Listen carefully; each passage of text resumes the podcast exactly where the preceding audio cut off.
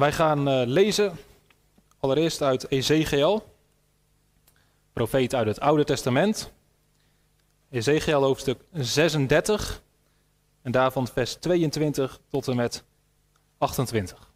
Profeet Ezekiel, een van de grote profeten. Een lang Bijbelboek, hoofdstuk 36. En we lezen vanaf vers 22. En daar staat het volgende. Zeg daarom tegen het huis van Israël. Zo zegt de Heere, Heere. Ik doe het niet om u, huis van Israël, maar om mijn heilige naam, die u ontheiligd hebt onder de heidevolken waarin u gegaan bent. Ik zal mijn grote naam heiligen, die onder de heidevolken ontheiligd is, die u in hun midden ontheiligd hebt. Dan zullen de heidevolken weten dat ik de Heere ben, spreekt de Heere Heere, als ik in u voor hun ogen geheiligd word. Ik zal u uit de heidevolken halen en u uit alle landen bijeenbrengen. Dan zal ik u naar uw land brengen. Ik zal rein water op u sprenkelen en u zult rein worden. Van al uw onreinheden en van al uw stinkgoden zal ik u reinigen. Dan zal ik een nieuw hart geven en een nieuwe geest in uw binnenste geven.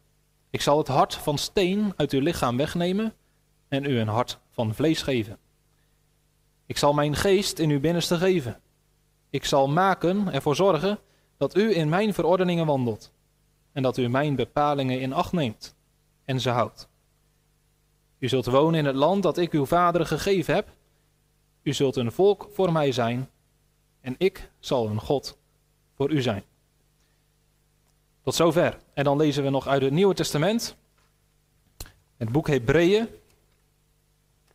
Daarvan hoofdstuk 8, vers 1 tot en met 13. Hebreeën 8, vers 1 tot en met 13. Dat is het hele hoofdstuk.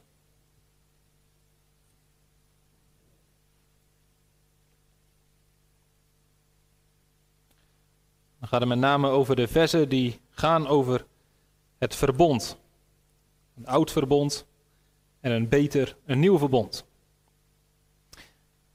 Hebreeën 8 vers 1. De hoofdzaak nu van de dingen waarover wij spreken is dit. Zo'n hoge priester hebben wij. Eén die zich heeft gezet aan de rechterhand van de troon van de majesteit in de hemelen. Dat is hemelvaart. Jezus. Hij is een dienaar in het heiligdom, in de hemel. En in de ware tabernakel, die de Heer heeft opgericht en niet een mens. Want elke hoge priester wordt aangesteld om gaven en slachtoffers te offeren. Daarom was het noodzakelijk dat ook deze iets had om te offeren. Want als hij op aarde zou zijn, dan zou hij niet eens priester zijn. Omdat er hier priesters zijn die volgens de wet gaven offeren. Deze priesters doen dienst in een afbeelding en schaduw van de hemelse dingen. Overeenkomstig een aanwijzing van God die Mozes ontving bij het voltooien van het tabernakel. Want zie erop toe, zegt hij, dat u alles maakt overeenkomstig het voorbeeld dat u op de berg is getoond. Nu heeft Jezus echter een zoveel voortreffelijker bediening ontvangen, zoals hij ook van een beter verbond middelaar is. Een verbond dat in betere beloften is vastgelegd. Immers, als dat eerste verbond onberispelijk was geweest, zou er voor een tweede geen plaats zijn gezocht. Want hen berispend zegt hij tegen hen, zie de dagen komen, spreekt de Heer, dat ik met het huis van Israël en met het huis van Juda een nieuw verbond zal sluiten niet overeenkomstig het verbond dat ik met hun vaderen gesloten heb op de dag toen ik hen bij de hand nam om hen uit het land Egypte uit te leiden. Want zij bleven niet in mijn verbond, en ik heb geen acht meer op hen geslagen, zegt de Heer. Want dit is het verbond dat ik met het huis van Israël sluiten zal, na die dagen, zegt de Heer. Ik zal mijn wetten in hun verstand geven, en ik zal die in hun hart schrijven. Ik zal hun tot een God zijn en zij zullen mij tot een volk zijn. Ze zullen beslist niet ieder zijn naaste en ieder zijn broeder onderwijzen en zeggen, ken de Heere. Want zij allen zullen mij kennen, van klein tot groot onder hen. Want ik zal, wat hun ongerechtigheden betreft, genadig zijn. En aan hun zonden en hun wetteloos gedrag beslist niet meer denken. Als hij spreekt van een nieuw verbond, heeft hij daarmee het eerste voor verouderd verklaard. En wat oud is verklaard en wat verouderd staat, en wat verouderd, staat op het punt te verdwijnen. Zover onze schriftlezing. Vorige week was het Pinksteren en hebben we s'morgens nagedacht over het thema leven in het tijdperk van de Heilige Geest. En vanavond gaan we stappen verder. En dan veranderen we één woordje. Vanavond hebben we ook leven volgens het tijdperk van de Heilige Geest. En we zullen zien dat het niet hetzelfde is of je leeft in het tijdperk, of dat je ook leeft volgens het tijdperk. En wat het betekent wordt met name duidelijk in de teksten die we hebben gelezen uit Ezekiel en Hebreeën. Vorige week hebben we duidelijk gekregen dat als je de Bijbel doorleest, dat je verschillende tijdperken tegenkomt. Tijd van Adam tot Noach, van Noach tot Abraham, van Abraham tot Mozes. En in elk tijdperk deed God grote dingen. En ontvouwde hij zijn grote plan om uiteindelijk de hele wereld te redden. We hebben gezien dat uiteindelijk met de komst van de Heer Jezus, toen de volheid van de tijd was gekomen, er een hele grote overgang is geweest in de geschiedenis. De tijd van het uitzien werd de tijd van de vervulling. De tijd van de belofte veranderde in de tijd van de komst en van de verkondiging van de Messias. Met Pinksteren is de Heilige Geest gekomen.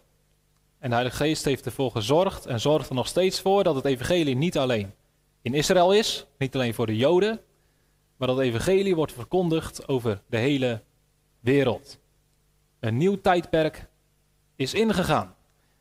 En we hebben gezien daarom ook hoe bijzonder het is dat wij nu leven, na Pinksteren. Hoe bijzonder het is dat ook wij de Bijbel hebben en mogen weten wat de weg naar de hemel is. We gaan nu een stap verder zetten. We leven niet alleen in het tijdperk van de Heilige Geest. Als goed is, leven we ook volgens het tijdperk van de Heilige Geest. En dat niet hetzelfde is, maakt misschien het volgende voorbeeld duidelijk. In Amerika wonen een groep mensen die noemen we Amish. Die komen oorspronkelijk uit Duitsland. En die staan erom bekend dat zij een bijzondere manier van leven hebben. Zij leven in hetzelfde tijdperk als wij. Ook bij hun op de kalender staat 2022. Dus ze leven in hetzelfde tijdperk. Alleen wat hen zo bijzonder maakt, is dat zij leven volgens een ander tijdperk. Zij leven nog ongeveer als mensen in het begin van de 19e eeuw. Zonder elektriciteit en zulke soort dingen. Dus je kunt leven in hetzelfde tijdperk, maar toch leven volgens een ander tijdperk. Dat is het probleem waar de Hebreeënbrief het over heeft. Op het moment dat de Hebreeënbrief wordt geschreven, is het aan mensen die leven in het tijdperk van de Heilige Geest. In de tijd dat een nieuwe verbond is ingegaan. Maar de mensen aan wie die schrijft, die leven niet volgens het nieuwe verbond. Leven niet volgens de tijd van de Heilige Geest. Ze hebben de neiging om te leven volgens het oude verbond. Volgens het Oude Testament. En die tegenstelling die kom je heel duidelijk ook tegen in hoofdstuk 8. Jezus is middelaar geworden van een veel beter verbond. Nou, dan zie je al, er wordt een vergelijking gemaakt. Er is een beter verbond, dat betekent dus ook dat er een slechter verbond is. En dat verbond, dat is nodig, zegt hij in vers 7, omdat dat eerste gebod niet zo goed was. Want als dat eerste verbond onberispelijk was geweest, als dat eerste verbond goed was, voldeed, dan was er geen nieuw verbond nodig. Maar, en dan gaat hij citeren uit de profeet Jeremia, vers 8 tot en met 12. Eén lang citaat uit het Oude Testament. En in dat citaat wordt gesproken over het nieuwe verbond. En er wordt er gezegd in vers 9, dat is niet overeenkomstig het verbond dat ik met hun vaderen gesloten heb, op de dag toen ik hen bij de hand nam om hen uit het land Egypte uit te leiden. Dus dit is een ander verbond dan dat verbond dat God had gesloten met het volk Israël. Op het moment dat hij hen verloste uit Egypte.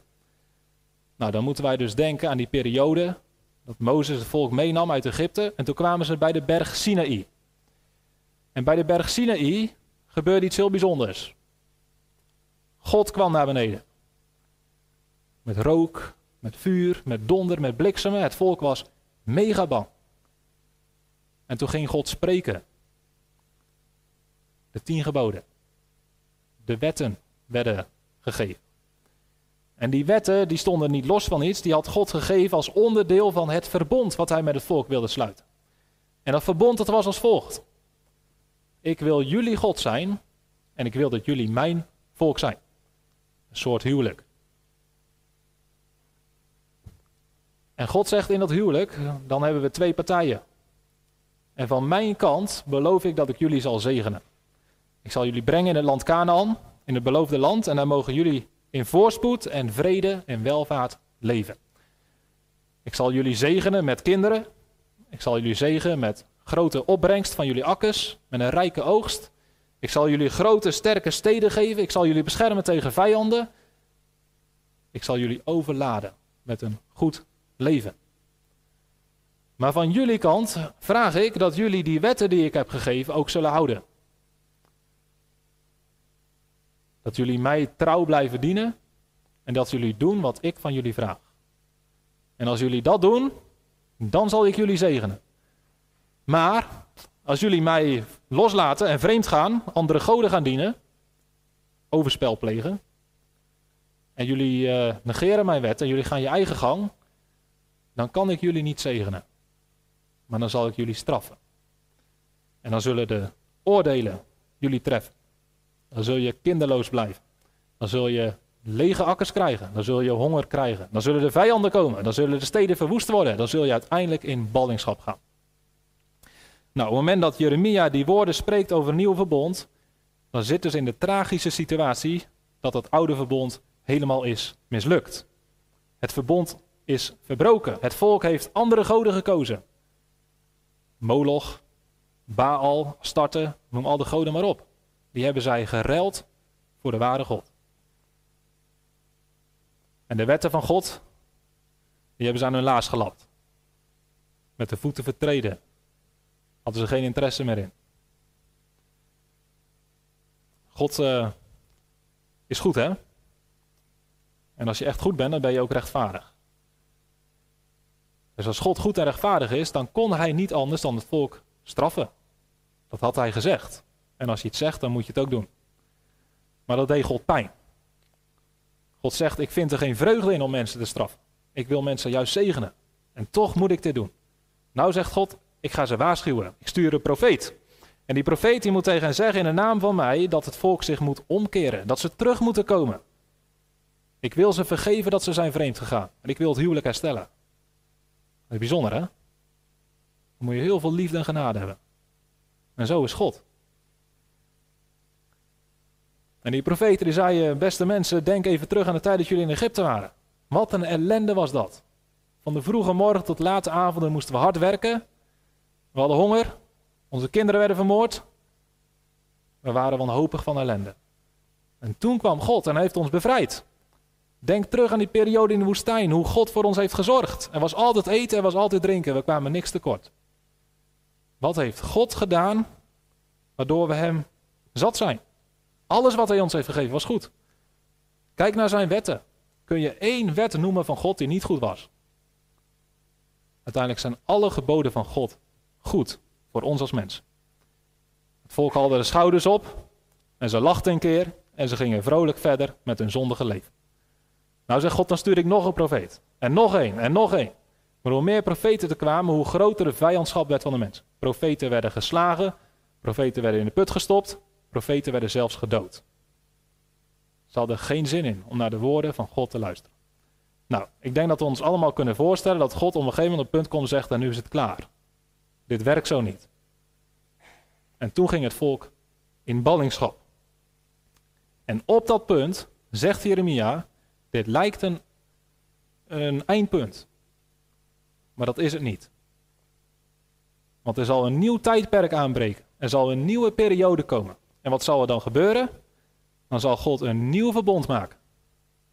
Nou, en in die nieuwe verbond belooft God dat hij de zonde van het volk weer zal vergeven. Want, staat helemaal in vers 12, het laatste, want ik zal wat hun ongerechtigheden betreft genadig zijn. En aan hun zonde en hun wetteloos gedrag beslist niet meer denken. Dus God zegt, er zal een periode van straf komen, maar dan zal er ook weer een moment zijn, dan zeg ik, oké, nu is het genoeg. Ik ga alles wat jullie verkeerd hebben gedaan vergeten. Vergeven.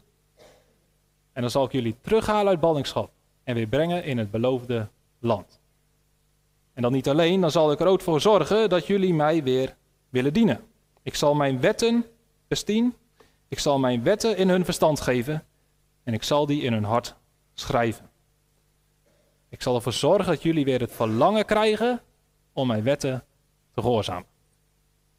Nou, wanneer is dat gebeurd? Wanneer heeft God deze belofte waargemaakt?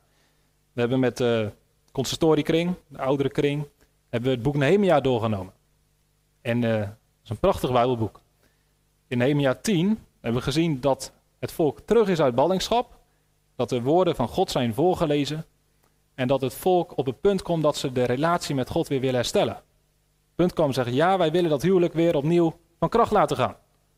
Wij willen weer trouw zijn aan God.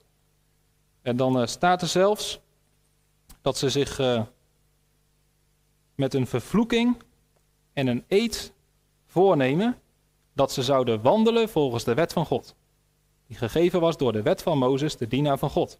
En dat ze alle geboden van de Heer, al zijn bepalingen en zijn verordeningen in acht zouden nemen.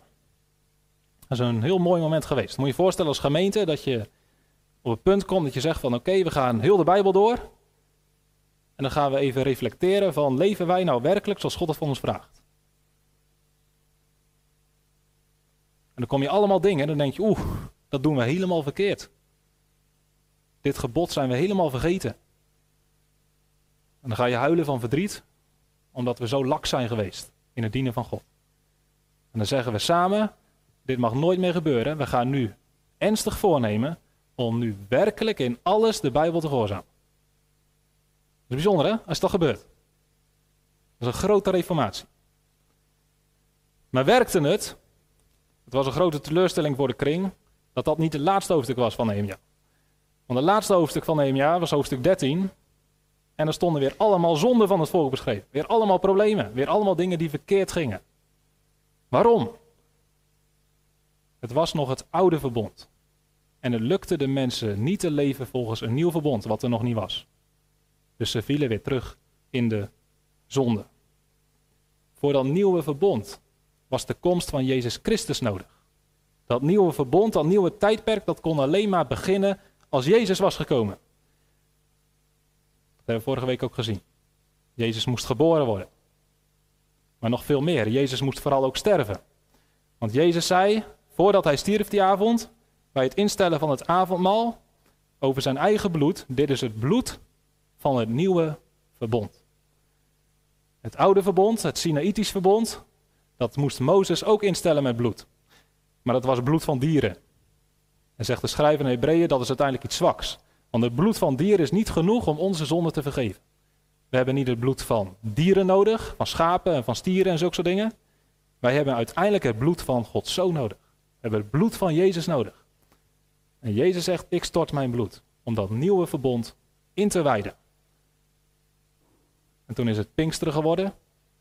En Jezus heeft het nieuwe verbond in laten gaan. Van kracht laten gaan. En wat gebeurt er nu in dat nieuwe verbond? Nou, nu gaan de woorden van Jeremia werkelijkheid worden. Nu mogen wij gaan leven vanuit een andere bediening, vanuit een nieuw verbond. Nou, wat we al hebben gezien, volgens het nieuwe verbond is dit een moment dat God zegt: Ik zal hun ongerechtigheden genadig zijn en aan hun zonde en wetteloos gedrag beslist niet meer denken. Dat betekent in een nieuw verbond, de mensen die daarbij horen, die mogen gaan leven vanuit de zekerheid dat hun zonden zijn vergeven. Dat was onder het oude verbond nog een beetje moeilijk. Want hoe kon je nou geloven dat als je een grote zonde had gedaan en je liet een schaap sterven, dat dat genoeg was? Dat was eigenlijk niet genoeg. Alleen het bloed van Jezus Christus is genoeg. En wij mogen leven in een nieuwe verbond. Dat betekent dat wij mogen weten dat Jezus aan het kruis is gestorven en dat zijn bloed ons kan reinigen van alle zonden. Als je leeft in het tijdperk van de Heilige Geest, dan ben je bevoorrecht omdat je dat mag weten. Wil je nu ook leven volgens het tijdperk van de Heilige Geest, dan moet je daar gebruik van maken. En dan moet je daar uitleven. Dan moet je dat geloven. Dus de eerste vraag voor de toepassing is nu: geloven wij dat onze zonden werkelijk zijn vergeven? Zijn wij er zeker van dat God al onze ongerechtigheden genadig is en dat Hij aan onze zonde en aan ons wetteloos gedrag beslist niet meer denkt? Durven wij daar volmondig ja op te zeggen? Ja, ik weet, mijn zonden zijn vergeven. Dat is leven volgens het nieuwe verbond. En als je dat niet kunt zeggen, niet wilt zeggen of niet durft zeggen, dan leef je niet volgens het tijdperk van de Heilige Geest. Dan leef je nog volgens het vorige tijdperk. Waar mensen daaraan twijfelden. Waar mensen niet die zekerheid hadden. Leven volgens een nieuw verbond. Dat is gebruik maken van het bloed van Christus en erop vertrouwen dat zijn bloed ook werkelijk genoeg is. Is de grote zegen van het nieuwe verbond. Dat is een bevrijding. Dat betekent, ik vraag het ook wel eens hè, als ik op bezoek ben of zo, weet u dat uw zonden zijn vergeven? Weet u dat als u sterft u naar de hemel gaat? Als je leeft volgens een nieuw verbond, dan kun je daar ja op zeggen. En dat is enorm bevrijdend. Dan hoef je niet meer te zeggen, nou ik weet het niet, want ik weet niet of ik goed genoeg ben. Nou, dat weet ik wel, dat bent u niet. Want dat is niemand. Dus daar hoef je ook niet meer druk om te maken. Het gaat er niet meer om of wij voldoen. De vraag is, heeft het offer van Jezus Christus voldaan? Dat is enorm bevrijdend als je niet meer bezig hoeft te zijn met de vraag of wij wel goed genoeg zijn. Dat zijn we niet. Maar je mag erop vertrouwen dat Jezus Christus genoeg is. En dat God ons genadig wil zijn om Jezus wil. Het is ook op een andere manier bevrijdend. Want op het moment dat je niet zeker weet dat je zonden zijn vergeven, dan kan er niet anders of er zit ergens ook angst. Toch? Als je gelooft dat God bestaat en dat Hij heilig en rechtvaardig is, dat Hij uiteindelijk daarom ook zonden zal straffen als ze niet vergeven zijn. Dan moet er toch ergens angst zijn dat God jouw zonde zal straffen. Maar als je mag leven uit het nieuwe verbond, volgens het tijdperk van de Heilige Geest, dan gaat die angst weg. Op het moment dat je weet, mijn zonden zijn vergeven, dan mag je ook zeker weten, God zal mij niet meer straffen, niet meer oordelen. Het is zo mooi om te kunnen leven volgens het tijdperk van de Heilige Geest. Als iemand van de week tegen mij zei, elke morgen als ik wakker word, het eerste wat ik doe, is danken. Dank u wel dat ik mag leven van genade. Dank u wel dat ik mag weten dat mijn zonden zijn vergeven. Toch prachtig? Als je zo de dag kunt beginnen. Als je zo door het leven heen kunt gaan. Als je uiteindelijk zo kunt sterven. Dat zou niet iets moeten zijn waar we allemaal van denken: wauw, wat bijzonder. Dat is het wel. Maar dat is het normale christelijke leven. Dit is de zegen van ons die mogen leven onder het evangelie. Dit wordt verkondigd in het evangelie. En de vraag is, geloven wij dat ook?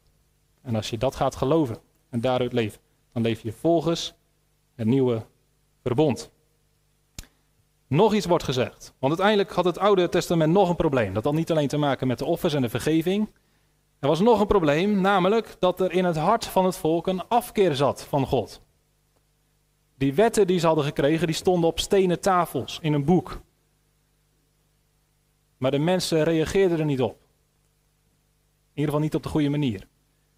Dus de wetten zaten van buiten en niet van binnen. De verlangens van de mensen botsten ermee. En dit is de reden waarom in het Oude Testament het steeds weer misgaat. Het werkt niet om iemand een wil op te leggen, terwijl die zelf van binnenuit helemaal niet gemotiveerd is om dat te doen. Dan moet je dreigen, heel veel complimenten geven, maar uiteindelijk, het werkt niet. Dus wat is er nodig? En daar heeft Jeremia het over. Ik zal mijn wetten in hun verstand geven. En ik zal die in hun hart schrijven. Ik zal hun wetten verinnerlijken. Ik zal ervoor zorgen dat ze van binnenuit gemotiveerd worden. Nou, waarom hebben we Ezekiel 36 gelezen? Omdat Ezekiel 36 met name daarop ingaat. Ezekiel 36, vers 26. Dan zegt God, dan zal ik u een nieuw hart geven. En een nieuwe geest in uw binnenste geven. Ik zal het hart van steen uit uw lichaam wegnemen en u een hart van vlees geven. Ik zal mijn geest in uw binnenste geven. Ik zal maken dat u in mijn verordeningen wandelt en dat u mijn bepalingen in acht neemt en ze houdt. Dit is een heel krachtig beeld. En ik denk ook dat we dit heel makkelijk kunnen begrijpen.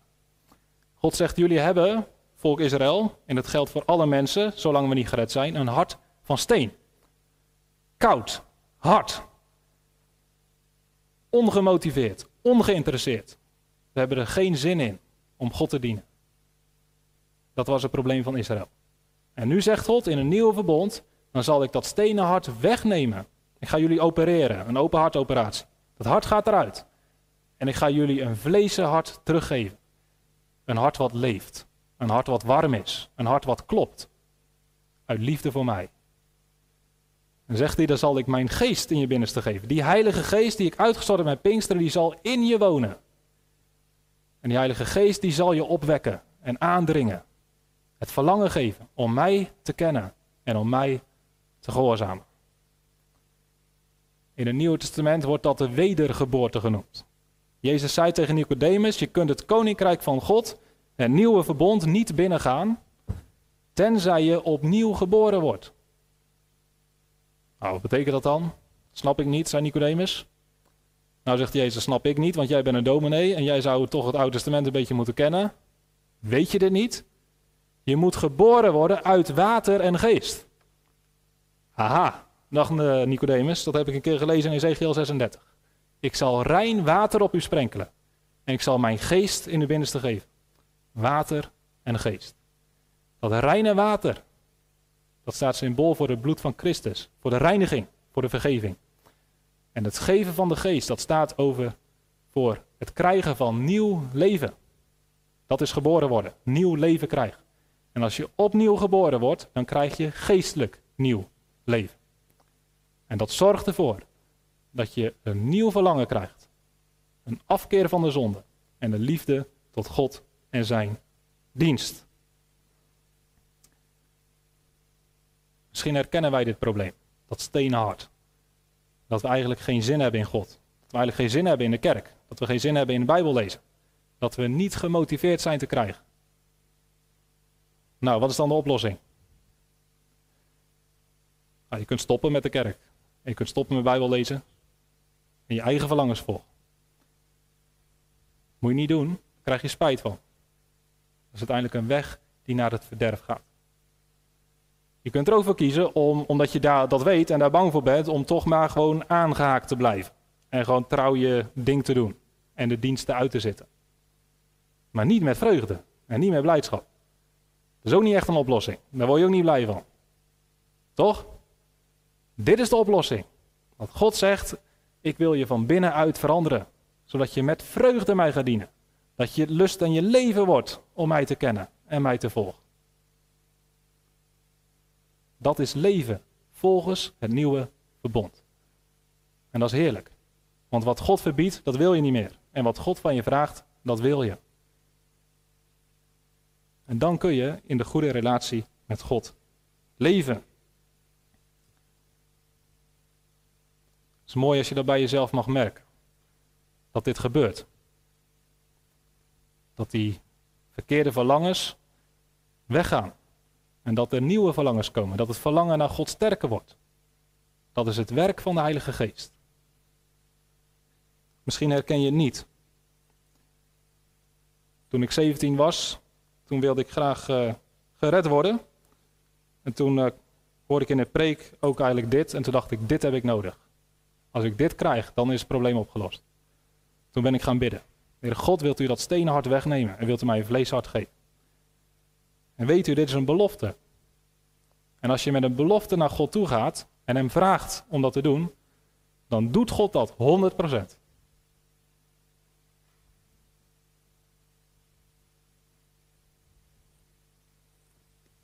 In ieder geval bij mij. En ik denk bij iedereen. Als je werkelijk zegt, Heere God, dit is mijn probleem. Hier loopt het vast bij mij. Dit heb ik nodig. En ik lees in de Bijbel dat u dit wilt geven. En ik leef in het juiste tijdperk. Ik weet zeker dat u dit wilt geven. Want dit is de tijd waar het evangelie wordt verkondigd aan alle mensen zonder onderscheid. Dus ook aan mij. En ook aan u en ook aan jou. We moeten gaan naar de middelaar van het verbond. Jezus Christus. En als je naar Hem gaat, dan zal Hij door zijn Heilige Geest je de zekerheid geven dat je zonden zijn vergeten. En vervolgens ook door zijn geest ervoor zorgen dat je merkt, ik word steeds meer gemotiveerd om voor God te leven. Zo leven wij volgens het tijdperk van de Heilige Geest. Nou, er is één gevaar, wat ik nu een beetje heb geschetst, is dat we dus niet leven uit de zekerheid van de vergeving en niet leven met al nieuw hart.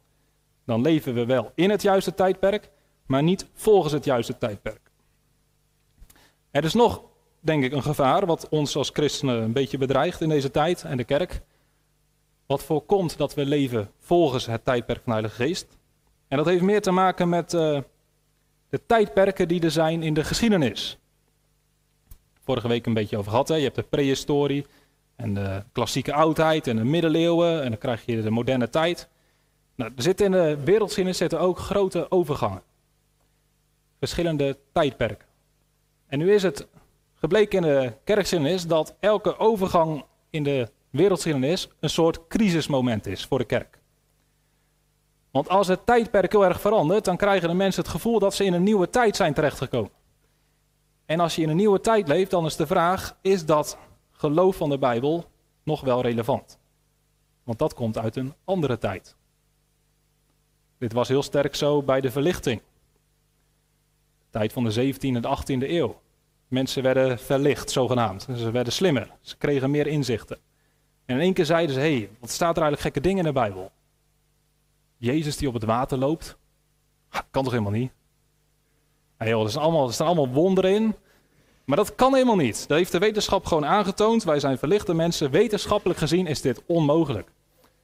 Dus of we stoppen met het geloof, of we gaan die dingen proberen anders te lezen.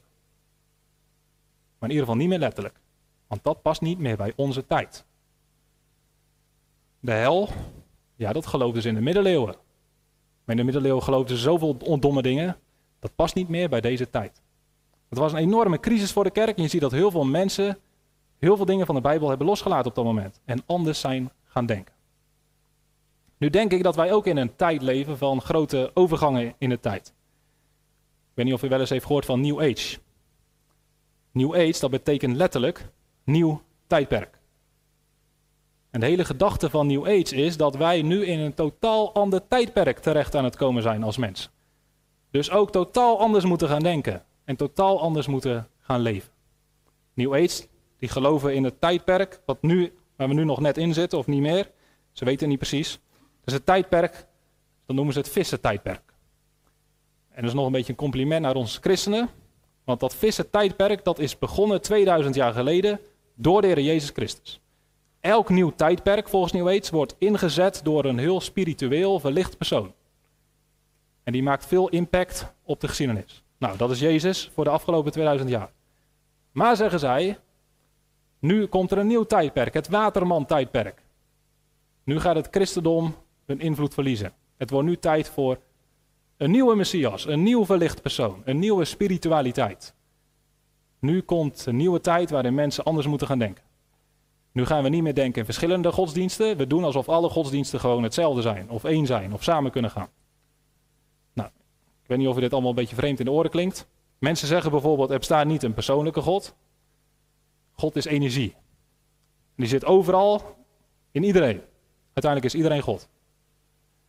En uh, ze zeggen bijvoorbeeld ook dat er uiteindelijk geen echte waarheid is. Uiteindelijk heeft iedereen zijn eigen waarheid. En alles is waarheid of niet waarheid. Er is ook niet echt goed en fout, dus je moet ook stoppen met anderen veroordelen. Nou, dat zijn allemaal gedachten die in New Age worden uitgedragen en die heel veel invloed hebben in onze tijd. Als je mensen spreekt die niet naar de kerk gaan en je vraagt hen hoe ze over bepaalde dingen denken, je krijgt bijna alleen maar New Age antwoorden. Nou, misschien zeggen we, daar hebben wij niks mee. Wij zitten nog in de kerk. Maar ik denk toch, deze cultuur ademen wij wel in. En worden denk ik ook door beïnvloed. En misschien merken we dat wel sterk, doordat wij ook het gevoel krijgen in de kerk dat wij ook in een nieuwe tijdperk terecht zijn gekomen. En dat is een vraag, maar daar moeten we misschien even op reflecteren. En dat is, wat mij op is gevallen, en ik betrap mezelf er net zo goed op, dat als we het in discussies hebben over wat de Bijbel zegt en wat wij moeten geloven of doen, hoe vaak zeggen wij niet, ja, dat is wel in die tijd geschreven. Of, maar wij leven in een andere tijd. Is dat herkenbaar? Dus we hebben het gevoel dat wij in een ander tijdperk terecht zijn gekomen, waardoor wij niet meer hoeven te leven op bepaalde dingen volgens het tijdperk van de Bijbel. Nou, ik denk de vraag die we onszelf daar moeten stellen, is dat zo? Zitten wij werkelijk in een andere tijd? En wanneer is die tijd dan begonnen? Is dat het jaar 2000 geweest? Of 1900? Daar is helemaal geen argument voor. Wij leven nog steeds in het tijdperk van de Heilige Geest. En zoals ik vorige week heb gezegd, dit tijdperk, dat stopt pas bij de wederkomst van Jezus Christus. Dat is het tijdperk waarin wij leven. En het is zeker zo dat in de geschiedenis ook tijdperken zijn en dat wij ook daarmee veranderen. Maar uiteindelijk blijft er één ding hetzelfde. Wij moeten in alle tijden, of wij nou in de middeleeuwen leven, of in de tijd van de verlichting, of in de tijd van de Franse Revolutie, wij moeten allemaal blijven leven volgens het tijdperk van Heilige Geest. Nou, en ik denk dat er maar één manier is om te weten hoe dat precies is. Dat is door wat de Heilige Geest heeft laten opschrijven in de Bijbel. Dus willen wij als kerk, als christenen, werkelijk leven volgens de Heilige Geest, dan moeten we vasthouden aan wat de Bijbel zegt. En alles wat erin staat, geloven wij. En alles wat God hier van ons vraagt, dat gehoorzamen wij. Ook al vinden mensen buiten de kerk dat we in een andere tijd zijn terechtgekomen en dat dit allemaal achterhaald is. Daar moeten wij tegen waken. dat is een beetje een kritische noot. We kunnen het ook positief bekijken. Uiteindelijk, de overgang in elke geschiedenis kan ook kansen geven. Het besef, het idee dat we in een nieuwe tijd zijn terechtgekomen, geeft de kerk ook weer een uitdaging om weer te kijken naar wat is echt belangrijk en wat is minder belangrijk. De reformatie rond het jaar 1500, dat vond plaats dankzij zo'n overgang in de geschiedenis. Van de middeleeuwen naar de renaissance. En die mensen die hebben gezegd, als je terugkijkt, dan zijn er in de middeleeuwen heel veel dingen bijgekomen die wij zijn geloofd. Maar zegt de Bijbel dat allemaal wel? We gaan terug naar het woord van God. En omdat ze die beweging hebben gemaakt, is er een reformatie gekomen, is er een gigantische opwekking gekomen. Dus dat is ook mooi van deze tijd. Het is misschien niet erg dat we af en toe denken van, maar alles wat we doen, is dat wel goed? Alles wat we geloven, klopt dat wel? Die vragen stellen is niet erg. Maar laten we daarbij teruggaan naar het woord van God. En daaraan gehoorzamen. En als we de Jezus kennen, dan wil Hij ons daar ook bij helpen. Door ons een hart te geven wat er vreugde in vindt. Om te geloven wat God ons zegt. En te gehoorzamen wat Hij van ons vraagt. Het tijdperk van de Heilige Geest gaat voorbij. Alle tijdperken gaan voorbij. Uiteindelijk komt Jezus terug. En dan is de grote vraag. Niet of wij in het tijdperk van de Heilige Geest hebben geleefd, maar of wij werkelijk volgens het tijdperk van de Heilige Geest hebben geleefd. Laten we elkaar, elkaar daartoe aansporen en daarin bemoedigen. Trouw blijven aan het woord, om uiteindelijk ook eeuwig bij God te mogen zijn. Amen.